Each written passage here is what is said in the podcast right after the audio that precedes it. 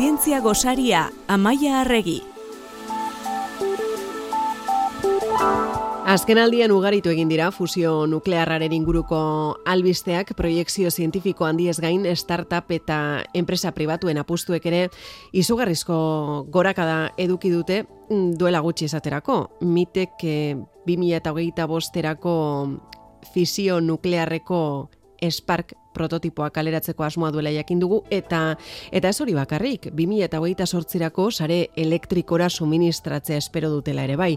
Beste proposamenekin alderatuta kasu honetan honen abantaia nagusia litzateke ba material supereroale berriak erabiltzen dituela. Baina hau guztia hobeto ulertzeko fusio nuklearra sarituko gara gaurkoan amaia Arregi Donostia International Physics Centerreko zientzialariarekin eta komunikazio teknikariarekin kaixo zer modu zamaia? Kaixo, e, oso ondo. Eta bia puntu gisa, agian e, bere iztiberko genituzke fisio eta fusio nuklearrak ez? Bai, hori da.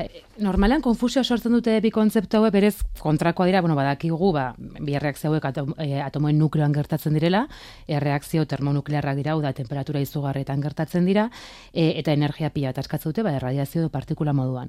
Ordan, e, fisioaren kasuan, e, ba, nukleo pisutsuak zatitu egiten dira, eta eta atomoarinagoak lortzen ditugu, eta hori da, e, zentral nuklearretan gertatzen dena. Hmm. Gertatzen da, normalan fisio eta fusioa konfunditu egiten ditugula, eta askotan pentsatzen da, zentral nuklearretan egiten den erreakzioa fusioa dela, baina alderantziz da, fisioa da, hau da, atomo astunak, ba, e, zatitu egiten dira.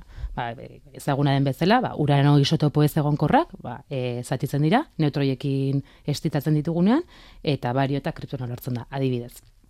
Eta fusioaren kasuan, ba, kontrakoa, ba, bi atomoarin e, ditugu eta bi atomoarin horiek elkartu eta atomo pisutxoago bat lortzen dugu. Interesgarria da, e, bi kasuetan, kontrako erreakzioak ematen duten arren, ba, bietan energia e, pila bat e, kanporatzen dela. Eta noski, ba, erabergarria izan daiteke, ba, gaina energi krisi gara hontan, ba, ba, energia hori erabilia lizatea importanta da guretzat, ez? Bakigu zentral nuklearretan adibidez, ba, sortzen den energia hori urbaporea erekin turbinak mugitzeko eta elektrizatea sortzeko erabiltzen dela, eta e, ba, fusio nukleararen kasuan ere, ba, erabili nahi da, ba, beste teknologia batzuk erabiliz, ba, guretzat ere elektrizitatea lortu alizateko. Mm izango litzateke nolabait, lurrean izar txikiak sortzea bezala? Bai, eske claro, es fusio nuklearra ezagutzen dugu, bai, izarren zentruan edo bihotzen gertatzen den reakzioa delako hori, ez? E, orduan, bai, esan dezakeguna da, e, gutxi gora bera, izarretan ikusi dugun prozesua, edo zintzeliariek ulertu duten prozesu hori, nahi dugula laboratekitan egin. Orduan, pos, guazen, gutxi gora bera ikustea, e, zer gertatzen den izarretan, ba, gero hori e, laboratekitan erreplikatu alizateko, ez? Oso, badakigu, hautsa edo materia kosmikoa gravitatearen ondorioz gerturatu egiten dela, eta momentu batean, ba, gero eta konzentrazio altuagoa dago, energia e temperatura eta presio izugarria lortzen dira, ba, milioika graduz ari gera, hitz egiten, eta, bueno, sortutako energia horren ondorioz, ba, materia e, egoera e, berezi batean egoten da, plasma mm. egoeran egoten da. Ba, ba, bueno, ba, solidoa, likidoa eta gasa, ba, laugarren egoera izango litzateke plasma. Plasmaren kasuan e, gertatzen dena da, ba, atomoak inguratzen dituzten elektroiak, guk, bakigu, bai, buelta diltzala inguruan ez, gutxi gora bera, ba, e, askatu egiten dira, eta orduan e, atomoak bilusi gelditzen dira, orduan edukeko genukena plasma hortan da gutxi gora bera, elektroiak aldatetik, eta gero atomo, e, bueno, e, elektroi negatiboak, eta gero atomo nukleo positibo horiek, ba, e, airean gutxi gora bera. Hori izango litzateke plasma, oso ikoa da, unibertsuan zehar, eta izarren, ba, e, izarren egoera hori da.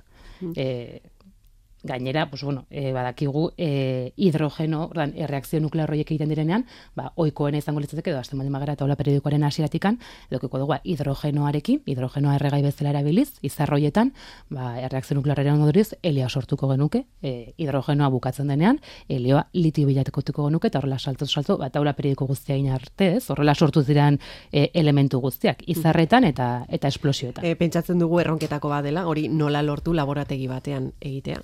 Hori da, hori da, orden, nahi ditugu izar txiki hoiek laborategitan egin. Neri oso polita irubitzen zai, baina nahiko fantastikoa, mm baina, bueno, urte pila badara mazatea hau ikartzen.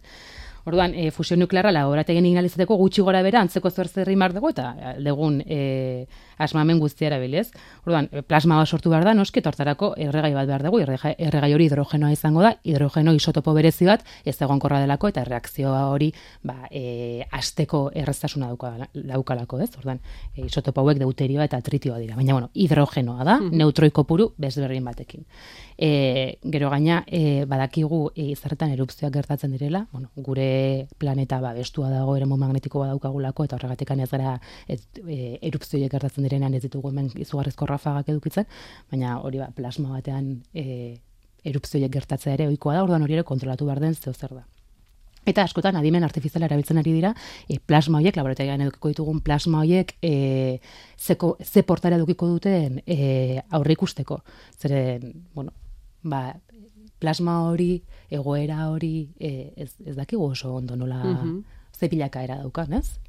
E, pentsatzen dugu, helburuak helburu aspaldi hasita daudela, em, hau ikertzen nola baitez? Bai, bai, eta... E, Bueno, prototipoa da batez ere oso ezaguna, e, tokamak izena duena, donuts forma daukan e, instalazio edo dispositiboa da, eta horrek ere magnetiko izugarriak sortzen ditu, erdian ba, plasma hori sortzen da, ez? Mm -hmm. e, ordan txertatzen zu, plasma beroztu eta densifikatzen dezunean, ba, nahi deguna da, eta oso importantea helburua Osa, eta erronkarik handiena da plasma hori sortzen dezunan eta e, erreakzio, osa, fusio e, nuklearra hasten denean eta er, erreakziori mantentzean nahi deguna da e, erreakzioiek beraien kabuz mantentzea. Mm orain arte, oso, errekor batzuk egin dira, baina errekorroiek oso oso xumeak dira, mm. minutu bat edo horrela gehienez, orduan, oza, nahi deguna da hori behin piztu ondoren, horri eustea. Oza, da, izar hori piztu, erreakzio nuklearra martxan jarri, mm. eta gero mantendu, eta hortik energia e, ustiatzeko gai izaten. Mm. E, azken aldian, aipatu dugu, e, proiektzio zientifiko handiez gain, startup eta enpresa pribatuen apustuek ere, em, izugarrizko gorakada eduki dutela. Bai, bai.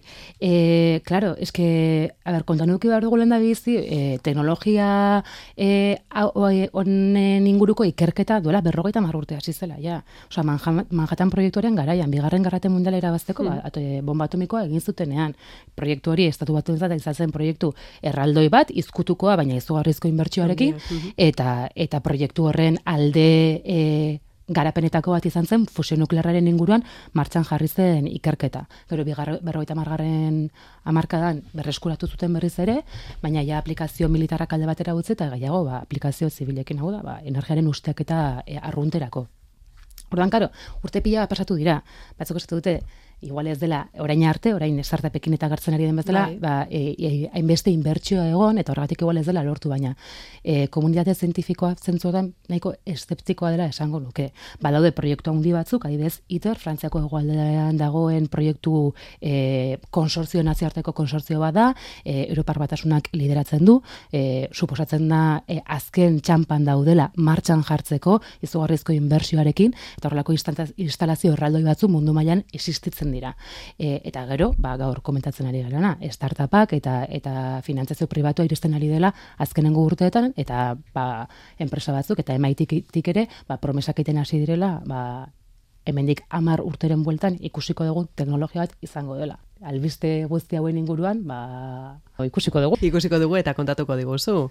Em, bestelakoan amaia, asteari, asteari begira jarrita. Urrengo astean fomentok e, martxan jarri du wikien berrikuntza astea, e, donostian urtero antolatzen dena, eta bueno, ekimen interesgarri pila bat egongo dira, guk ere parte hartuko dugu urtero bezala, nanogunerekin, mm -hmm. eta polimatekin batera, eta aste azkenean akuariumean, donostiako akuariumean, emakume zentzelariak atzo eta gaur ekitaldia antolatu dugu, hau emakumeak zentzen ekimenaren baitan, eta bueno, oso ekimen polita da, eta gombidatu azabete denak aria eta ba, gure ikerdek eta zentrotako zentzelariak izango ditugu, eta eta gainera, ba, iragane dagoeneko emakume zentzalarien ondarea ere berreskuratzeko aukera polita. Ba, gonbidapena, gonbidapena eginda. Euskadi Ratitik Amaia Regi Donostia International Physics Centerreko zientzialaria eta komunikazio teknikaria. Eskerrik asko. Mila eskerrik